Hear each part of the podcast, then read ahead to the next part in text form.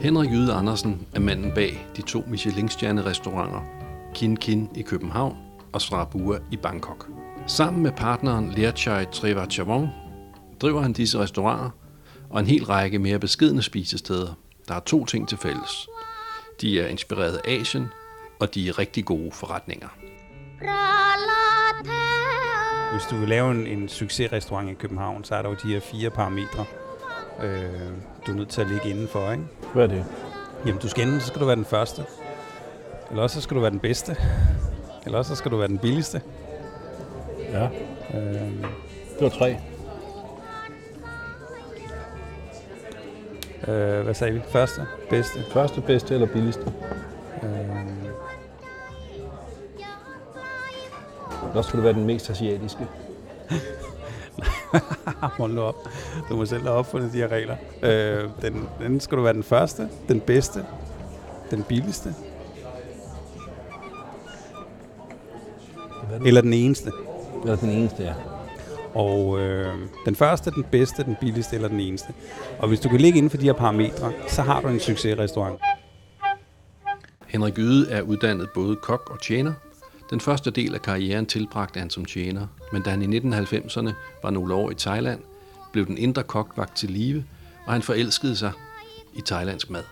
Da han vendte hjem med en drøm om at åbne sin egen restaurant, men fortsatte et par år i tjenerbanen, blandt andet som restaurantchef på restaurant The Paul i Tivoli. Jeg møder Henrik Yde på en af gruppens nyeste restauranter, Kien 71 i Nyhavn. Henrik Yde Andersen, tak for, at du vil se mig her på en af dine utallige restauranter. Fornøjelse. Hvor mange er der? Jeg tror, der var 17 i morges. Vi tæller dem jo hver dag kl. 12, for at se, om de er der alle sammen. Er der, er der virkelig 17? Ej, der er 17, det vi kalder outlets. Ja. Ja. Øh, mange af dem er jo delt. Øh, mange af, vi har jo en, en afdeling for catering og food trucks, og så har vi i, på alle restauranter har vi jo den der berømte bagdør, hvor vi sælger takeaway. Ja. Ja. Så, så vi regner måske mere i outlets, altså for de enkelte steder, end, end sådan fysiske adresser. Hvor mange penge ryger der igennem Kinkin-koncernen på sådan et år? Jeg har ikke så meget med det at gøre, hvis jeg, hvis jeg skal være ærlig, men, men det, er der en, det er der en del, og det håber jeg da. Det handler om maden, det handler om, om betjeningen, og så handler det om, om selve det, vi kan kalde for atmosfæren, eller det, som man bruger et andet ord i dag, X-faktor. Ja. Og det er tre store, lige store lavkagestykker. Øh, og du oplevede, jeg oplevede jo tit, når jeg kom ud på restauranter, at der var en, en ulige fordeling, som du selv har sagt. Der var måske en kok. Det har vi jo, I gamle dage havde du en restauratør. Det har du jo ikke længere. I dag har du en kok, Mm. som, som har sin egen restaurant. Øh, der er måske ikke så meget fokus på servering. Øh, eller også går man og gemmer sig ude i køkkenet. Og der gjorde jeg ret bevidst fra start af, at jeg fik sat faktisk en restaurantchef ind, og jeg fik sat en køkkenchef ind. Og så kunne jeg ligesom være bindeledet mellem de her ting, som ligesom kunne jeg ved ikke, om det der ord svæver over vandene, fordi jeg er rimelig aktiv, når jeg er på. Jeg er med i service og sådan nogle ting, men, men der er bare nogle mennesker, der har ansvaret for det. Øh, for du kan ikke være alle steder på én gang. Øh, og det, det synes jeg var en, en, en, en klog måde at løse det på. Øh,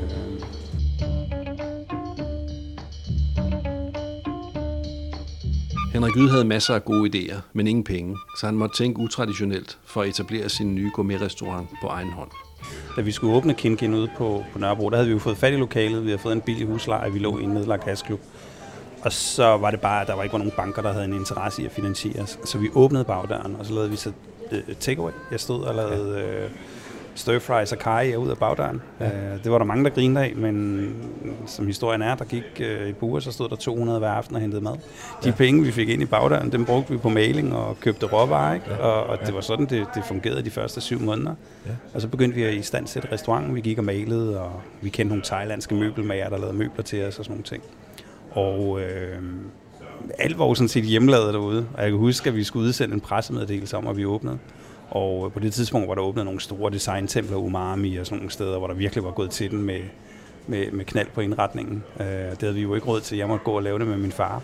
Så ja. vi opfandt den her designgruppe, der hed Panta. Og øh, i alle pressemeddelelserne stod der, at designgruppen Panta havde indrettet. Øh, det var sådan lidt en måde, at, og, og vi fandt jo så ud af, at journalister ret, ret, ret sjældent faktatjekker det, de får udleveret. Øh, men, men vi fik bare på en eller anden måde øh, hævet os op på et niveau, hvor vi slet ikke var dengang. Øh, og det er jo de færreste restauranter, der er på det niveau, når de åbner. Ikke? Øh. Efter et par år med succes på Nørrebro, blev Henrik Yde kontaktet af en velhavende thailandsk hotelejer, der havde hørt om den danske restaurant med en Michelin-stjerne for thai-mad.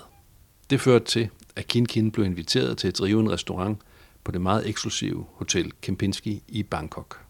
Så laver I det her move med at tage til Bangkok og åbne Srabua mm. på, øh, på Kempinski. Ja. Der var vist nok et øh, designfirma ind over der. Der var ikke bare et, der var rigtig mange, og det var jo et voldsomt chok at komme fra en nedlagt hasklub og så lige pludselig stå på et Ja. internationalt seksstjernet hotel. Ja. Øh, hvad er der? Der er 9 meter til loftet, ikke? Ja. Øh, alt er bygget ind i mahoni og, og, og Altså, vi står med Christoffel bestik lige pludselig og sådan nogle ting, og det er noget helt andet. Og jeg står også lige pludselig med en køkkenbrigade på 16 kokke, altså hvor vi måske var tre på en Ja. god aften på Kinkin, ikke? Øh, så det var en voldsom omvæltning. Øh, men det giver mig også mulighed for at raffinere tingene meget mere. Øh, men jeg skal da ikke lægge skjul på, at der var en noget præstationsangst. Jeg, jeg tror vidderligt ikke, jeg sov en nat igennem to måneder, før vi åbnede. Nej.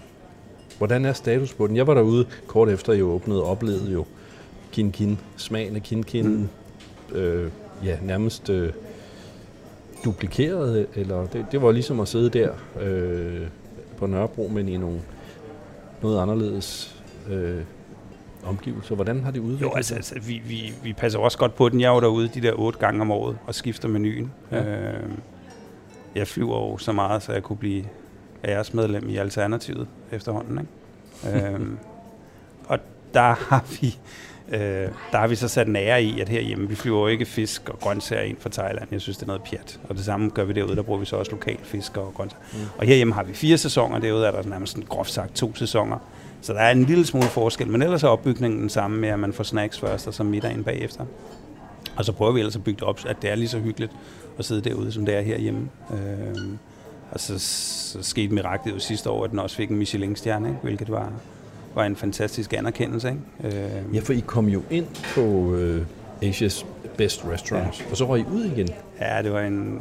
Det, det, der skete jo den der...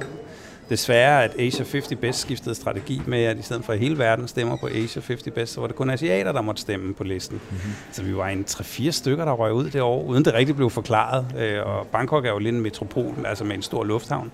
Så vi havde jo rigtig mange stemmer fra Europa og USA, øh, som vi mistede der, og så røg vi ud. Ja. Det var ekstremt bittert, så det var da en, en, en, øh, en dejlig oplevelse så at ryge med ind med Michelin-guiden, ikke? som jo er Ja. en lille smule mindre gro, meget mindre, øh, som er måske lidt mere... Øh, Så de, den, siger, er- den er en smule mindre gruppe. Så det er nej, billigere. det sagde, jeg, det sagde jeg, jeg sagde ikke. Jeg sagde, at den, øh, den, der, der, der er det jo inspektører, der kommer ind og betaler for deres måltider. Ikke? Det er jo ikke altid tilfældet med 50 Best. Men det skal det jo være ifølge reglerne. Det er vist ikke en diskussion, vi skal tage her. Nej, okay. Nej, men jeg, jeg giver dig ret i. Nu har jeg jo selv stemt i, i en årrække til, til World's 50 Best.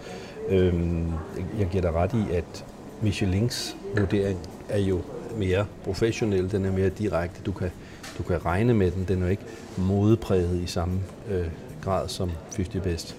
Nej, og jeg synes også, altså 50 Best er jo en sjov liste, og jeg tager det mere som sådan lidt en, en, en hvis du kigger på Rolling Stone Hot 100, ikke? Altså det er mere sådan en, ja. hvad er inde lige nu, hvad er det, vi lytter til lige nu, hvad er det, der, der er inde, ikke? Ja. Øhm, hvor, hvor den anden måske har lidt mere har måske lidt mere respekt også for, det, for, for håndværket og dem, der har været med i nogle år og sådan nogle ting. Ikke?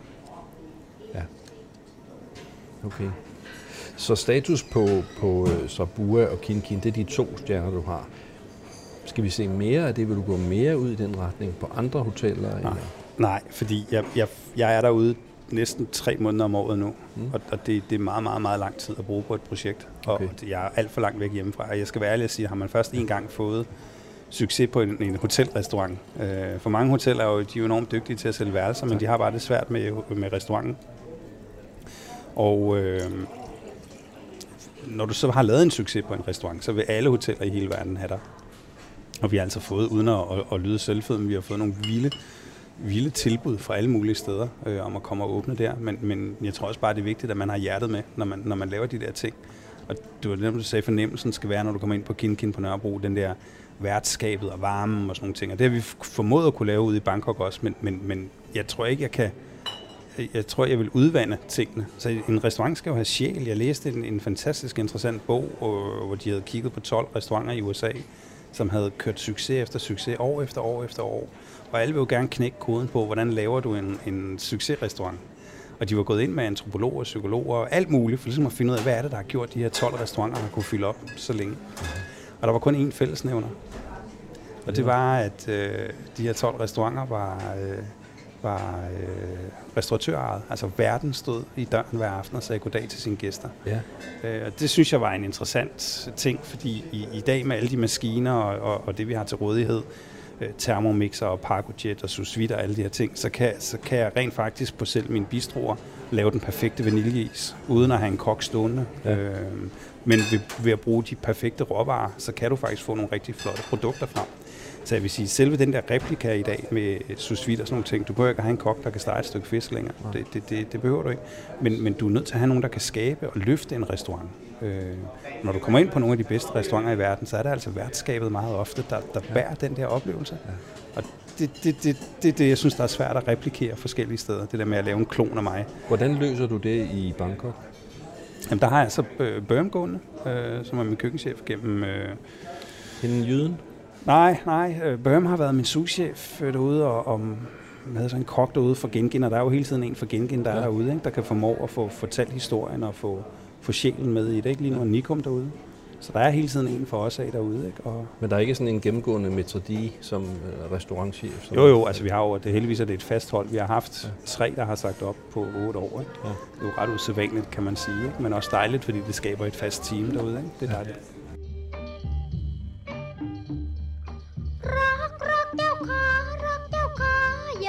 Kin Kin i København og Srabua i Bangkok handler begge om højgastronomi, men den største del af indtjeningen kommer fra spisesteder af en mere beskeden karakter. For eksempel drev Henrik Yde en overgang en burgerbar, som blev til i begyndelsen af den københavnske burgerkrig nogle år tilbage. Men han trak sig ud af det slag og lod spisestedet indlemme i den asiatiske portefølje. Du har haft mange af de her projekter undervejs. Der er nogle ting, som, øh, som kørt videre, der er nogle, du har trukket stikket på. Burger and Bun er et af dem, jeg husker. Øh, og, og Burger and Bun, den kører videre med, med et andet koncept nu. Ja, vi har, vi har åbnet noget, der hedder B&V. Vi har ligesom prøvet at genskabe en, øh, en øh, kinesisk grillbar anno 2018. Ja hvordan vil den se ud i dag? Ja. Øh, og så har vi fundet nogle rigtig gode opskrifter på noget dybstik kylling, og vi laver bagus, de her dampede boller med forskellige fyld. Ja. Øh, pogi laver vi dernede, som er den her salat fra Hawaii, som er ekstremt sund, lavet på rå fisk og ris. Ja. Storsælger. Øh, okay. Og så øh, ramen, som ja. ligesom er blevet det danske ord for nudelsuppe nu. Mm. Så der har vi lavet sådan en, en, en, en anden fastfood-fortælling end burger. Jamen, du kan godt lave fastfood ordentligt. Et sted midt imellem Michelin-stjerner og fastfood ligger restaurant Sea by Kin Kin på hotellet Nyhavn 71, som for nylig fik en slags lille søster, da Henrik Yde har åbnet en slags restaurant i restauranten, nemlig Kin 71, som serverer en 40-retters omakase-menu. Vi havde rigtig mange stamgæster ude på Kin Kin. Øh, forretningsfolk, som gerne vil spise tirsdag, men det er lidt langt at sidde og spise måske et forløb, der varer tre eller fire mm. timer. Øh, men de vil rigtig gerne spise vores mad, og der har vi så lavet det mulighed for, at man kan sidde her og, og og overstå middagen måske på et par timer. Men det er jo, når jeg lige sådan kigger på det udefra, så ser det jo ud til at være en, en smart manøvre, du gør. Du, du laver en, en ny restaurant, men du laver den i den eksisterende restaurant, og du bruger pladser ude i baren som en del af det. Og ja. så forstår jeg, at der er også nogle pladser i køkkenet, så, så det er sådan nærmest sådan en fantomrestaurant, du, øh, det, øh, jamen, vi har sådan bygget en restaurant ind i restauranten, ja. øh, fordi når du laver sådan en omakase-restaurant, som vi gør med næsten 40 serveringer, og du gør det med fisk, og fisk er en af de dyreste råvarer, du overhovedet få fingrene i, øh, så er der altså en masse overskud. Mm. Og hvis du stod helt almindeligt i en sekspladsers restaurant ude i byen, øh, så har du altså, hvad skulle du gøre med alt det her overskud, du har af fisk og sådan ja. nogle ting. Ja. Vi har valgt at dele det ind i nogle forskellige forløb. Man starter i... Øh, i vores Østersbar. Og der starter man middagen med, øh, med alt det rå, kan man sige. Øh, Østers starter man med, og så øh, kan man vælge mellem forskellige slags champagne. Så ryger man så ind i den næste bar, hvor det mere er alt det øh, røget og det tørrede og det saltede, og der skifter vi så også over til øh, sherry. Øh, og så tredje stop, der ryger man helt ud i køkkenet, mm-hmm. hvor øh, vi tager fat på alt det stigte og det braserede. Øh, og så slutter man sig af i vores lounge bagefter med kaffe, te og, og chokolade. Så det er sådan i forskellige afdelinger, også hvor man kan bytte lidt rundt.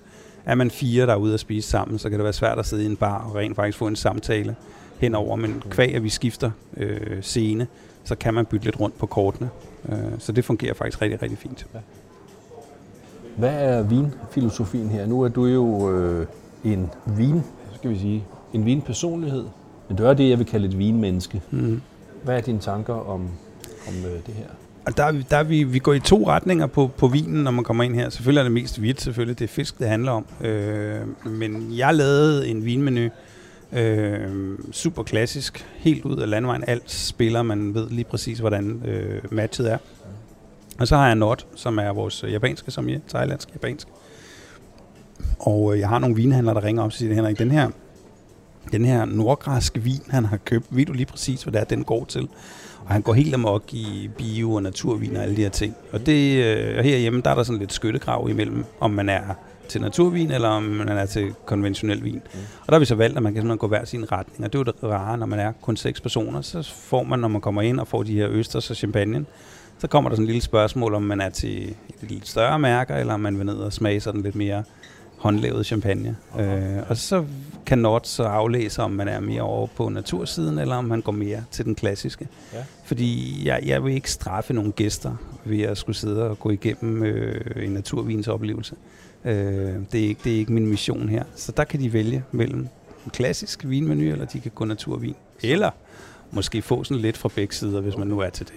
Så nogen får Krug Le Menil champagne, andre Mhm. får en museerne Chenin Blanc fra Loire. Ja. Ja, det er da en rigtig god måde at, at dele det op på. Ja, det synes jeg også. Og det, øh, det er jo igen det der med at personliggøre restaurantoplevelsen. Mm. Og det er jo det, vi gør her med seks pladser, at vi kan gå helt ned i nogle, nogle bitte, bitte, bitte små detaljer.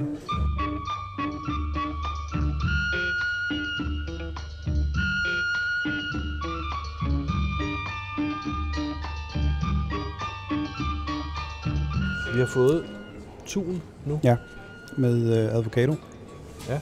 og øh, soja. Okay. Den er meget lys, tunen. Det er afhængigt af, hvad stykke de står og skærer fra derude. Jo. Ja, nu er der jo kommet tun tilbage i Danmark. Det er jo rart. Ja, for de er fanget herude, det her Ja, tun. ja. ja. Så det er rart at se, at de er kommet tilbage. Det er en dejlig ret. Det er meget frisk, ikke? Jo. Øhm, rart let. Tunen er fast. Øh, lidt soja. Øh, Mm. Og du fornemmer syren, og det hele det ligger i den der... Når jeg får det her, så bliver jeg glad, fordi det ligger i den der balance, som, som asiatisk mad kan. Ja.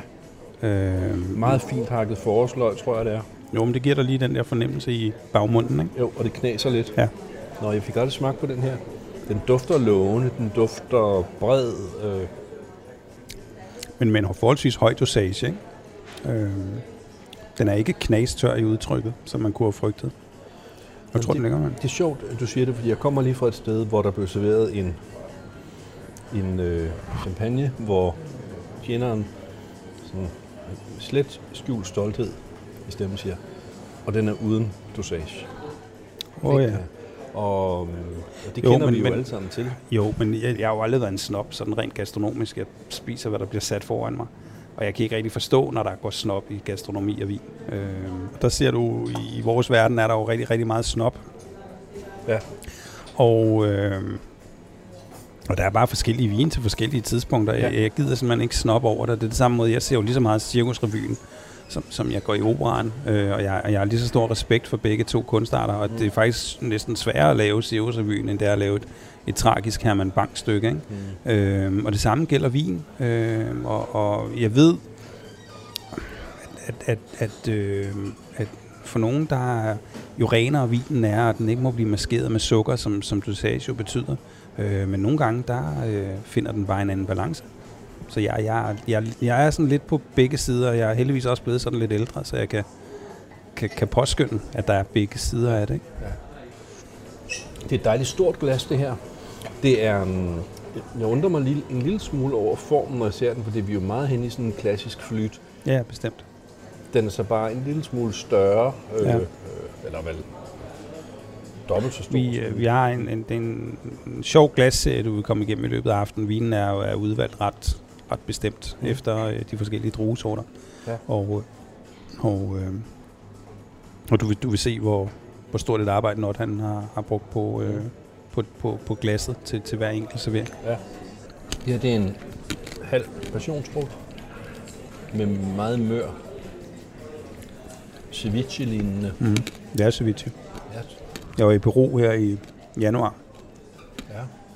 og øh, i Peru har de en kæmpe, de havde en kæmpe indvandring af, af kineser og japanere i 50'erne. Mm. Og derude, der får man sådan japansk mad, freestyle. Der er ikke så mange regler og dogmer, og jeg, jeg har jo altid alle dage haft det ret svært med dogmer, hvad enten det gælder mad eller religion, eller hvem man bor sammen med. Øhm, og der, øh, der oplevede jeg bare den her frihed, altså japanere, der genskabte sushi på en helt ny måde, og fik nogle fantastiske retter derude. Øh, blandt andet ceviche'en, som jo er en genial ret ikke, til fisk. Ja. ja. Det er meget, øh, meget behageligt at få den der friske, en lille bit smule spicy.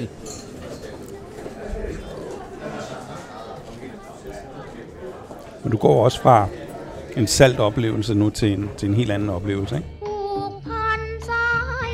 Når man smager de her 20-30 retter, bliver man slået af, hvor mange facetter der er i smagene. Og det er ikke tilfældigt, for der ligger et stort forarbejde bag. Det er jo ikke alt det, som, som man ser med det blotte øje. For eksempel så laver vi for eksempel de her dampede bags, de her hvedeboller. Øh, du kan komme ud på mange festivaler og få bags, og så køber de dem ud i Enko dybfrosten, og så får du de her to papskiver. Ja. Øh, hvad vi gør, det er, at vi laver en dej og bliver sat over den koldhæver, og på anden dagen, der går den så op og bliver æltet og formet, og på tredje dagen, så står vi og damper dem i de her specielle ovne. Og det ser man jo bare ikke.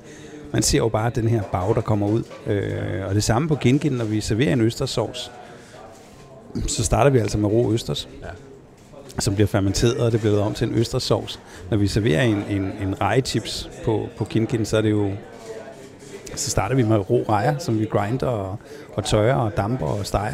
Øh, så man kan sige, hele, hele den der, det, det, og det ser man måske ikke som gæst eller sådan nogle ting, men der er jo et, et kæmpe forarbejdningsarbejde i, i, i det køkken, som, som, som jeg kan huske, da vi åbnede i Bangkok, det var sådan meget, hvad sker der her? Altså, det er vores køkken, mange thailandske kokker og sådan nogle ting. Og lige pludselig så, så de jo det kæmpe forarbejde, vi lagde i det, ikke? Altså, øh, og, og, og fik heldigvis øh, en god respekt ud af det også, ikke? Til sidst. Ja. Og det tror jeg, der forskellen ligger mellem os og, og kollegaerne. Og så er vi jo så med den sidste nye, som vi åbnet, Kin Kin Tok Tok, nede på Vesterbro Torv, taget den endnu vildere, ikke? Med, altså, hvor vi virkelig står og grinder vores egen pasta, og fiskesovsen står og gager i kælderen, og alt er lavet fra bunden af, ikke? Ja. Det er, og det er jo sådan et, et, igen, hvorfor gør vi det? Fordi det bliver et svært projekt, fordi vi netop laver sådan en regional thai-køkken, som er det her ægte thailandske køkken, ikke? Så der er smæk på chilien, og det er sådan virkelig nogle, nogle tror jeg, for mange utrærede smage, ikke? Ja. Men det er også det ægte thai-køkken, som man bare ikke har set herhjemme før. Og det glæder vi os rigtig meget til at præsentere. Henrik Yde glæder sig, hver gang han skal åbne en ny restaurant. Og som det fremgår, har han haft fart på. Det skyldes nok, at han egentlig ikke regnede med at kunne holde sig på toppen, så længe som han har kunnet. Jeg tror, at i den her branche, der har du et vindue på 6 år, hvor du sådan kan være, være øh, med der, hvor det rykker. Og, og, og så lukker vinduet, og så står der en ny ung kok, som er mere interessant for medierne og for gæsterne og meget andet. Og derfor valgte vi helt bevidst, da vi åbnede Kinkin, at, at vi valgte ikke at sige nej til noget. Øh, vi sagde ja til det hele. Og øh, om det var at være med i Masterchef, eller sige ja til at reklamere for en kaffekapsel, eller hvad det nu var, så sagde vi ja til det. Og udefra at vi vidste, at, at, at om, om ganske kort tid, så lukkede det her vindue sig. Øh, og jeg tror lidt med, at den tilgængelighed, vi har haft, og, og, og at vi har været sådan meget øh, jordnære, det tror jeg også har gjort, at vi så måske i stedet for de 6 år nu har fået 12 år, hvor vi har fået lov at blande os i, ja. i topstriden i København. Ja. I stedet for de forventede 6 år, har Henrik Yde forløbig fået 12 år i succesens rampelys, og intet tyder på, at han har planer om at træde ned fra scenen. Nej, der, der er ingen strategi i det her firma, og vi har aldrig nogensinde lavet en forretningsplan, og jeg mener også, at forretningsplaner det er noget, som fanden og banker har skabt. Øh, vi laver alt med, på en god mavefornemmelse, ja. og det har vi alle dage gjort. Altså, der er ikke noget, der er sådan her sidder og været tænkt ned. Og jeg har det lidt sådan, at du skal lave en ny restaurant. Det er elevatorsnakken. Hvis ikke du kan overbevise dig selv om, på fire sekunder, at det er lige det her, du skal lave, så lad være. Synes du, det er lige så sjovt at lave nye restauranter nu, som du gjorde, øh, da du åbnede Kinky? Ja, både ja og nej. Det, det, jeg kan savne lidt, det er jo det, når man, den der øh, fællesskabsfornemmelse, du får, når du åbner en ny restaurant, og, og, og, og hele det der boss, og hele den der energi, der bare bliver lagt ud i det. Øh, den, den er fed, og det er jo nok også derfor, vi åbner igen og igen. Ikke? Nu sker det, så der er jo så bare lidt mere sikkerhed, kan man sige. Ikke? Vi ved, forholdsvis godt, hvor mange knapper vi skal trykke på. Ikke? Men når det er sagt, så har vi jo også den der pep-talk, vi har med alle de nye ansatte, når vi åbner nye restauranter, at, at, at alt, hvad der kan gå galt, vil gå galt inden for de næste 14 dage. Ikke? Ja. Øh, men det er vi blevet bedre til at håndtere, synes jeg. Jeg synes, vi er blevet bedre til at styre de der åbninger. Ikke? Øh. Henrik Yde har fart på. Han har sparet mange penge sammen men han har ikke sparet sig selv. Folk spørger, om jeg holder fri og sådan noget. Nej, det gør jeg ikke. Vi starter klokken 7 hver morgen, og så arbejder vi igennem. Øh, og jeg er dårlig til at passe på mig selv. Øh, jeg, jeg er dårlig til at passe spisetid og sådan nogle ting. Øh, og det lykkedes mig at komme afsted med det her i, i seks år. Øh, og så sidder jeg ude på... Jeg har sådan en, en lejlighed ude i Bangkok ved restauranten, og, og du ved, spiller noget sodavand i computeren og bliver hissig og smadrer den ind i væggen, og bare se, at grænsen var nået. Mm. Øh, og sender en sms om, at, at jeg kommer ikke hjem lige forløbig. Og så tog jeg ned på en ø, for ligesom at finde mig selv igen. Øh, skrottet øh, alkohol og sukker og kød, øh, mm. og begyndte på nogle lange traveture, fordi når man går, øh, som vi gjorde fra at overtage en, en hasbule på Nørrebro, og lave den om til en international restaurant med filialer og mange hundrede ansatte, øh, og ikke rigtig få det sat på plads. Øh, ja, det havde jeg brug for.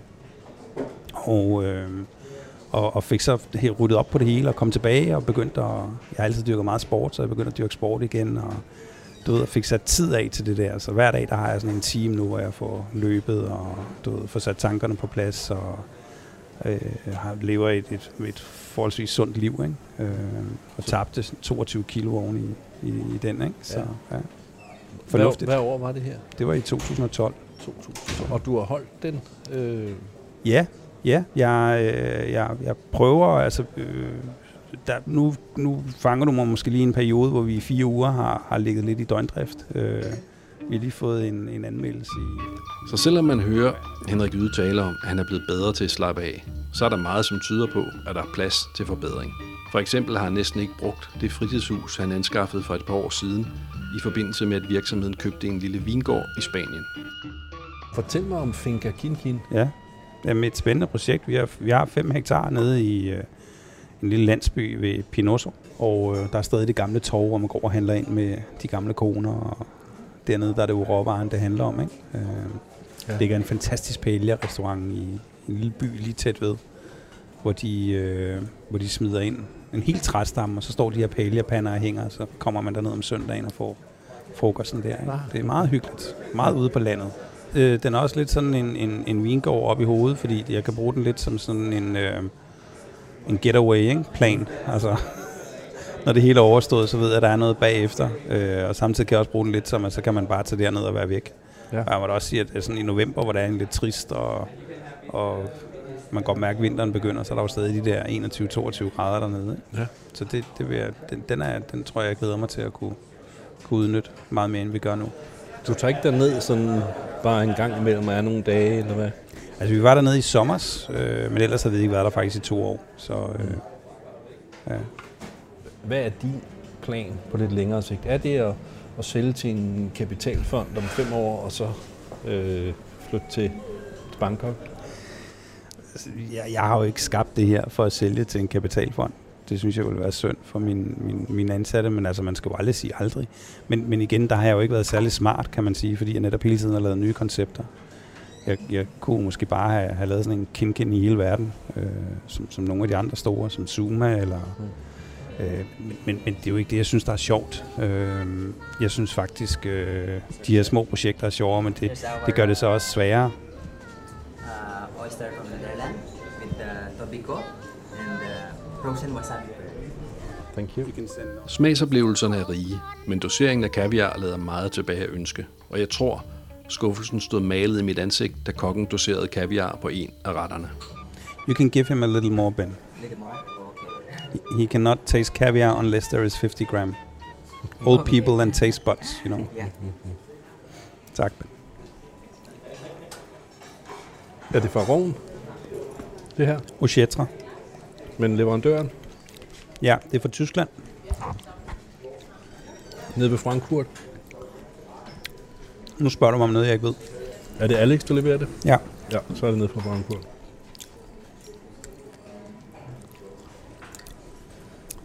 Jeg havde... Øh, jeg var, da jeg var elev, var jeg på den restaurant, der solgte allermest kaviar i Danmark. Nu vel. Ja. Vi havde et æg, et ret berømt æg med hummer en gelé og syrnet fløde. Og sådan en ordentlig lag kaviar på toppen. Det var dengang, man havde råd til at spise kaviar. Ja, dog. Altså, men, men jeg kan huske, at, at dernede, når man var tjener i gamle dage, så havde du en lighter i lommen, og du havde din proptrækker. Men dernede, der havde du også en gammel, øh, en gammel øh, femmer. Fordi det er den måde, du åbner en kaviardåse på, altså mønten ind, og så lige klik, klik er- dåsen op, ikke? Det er sådan her, man åbner en kaviar.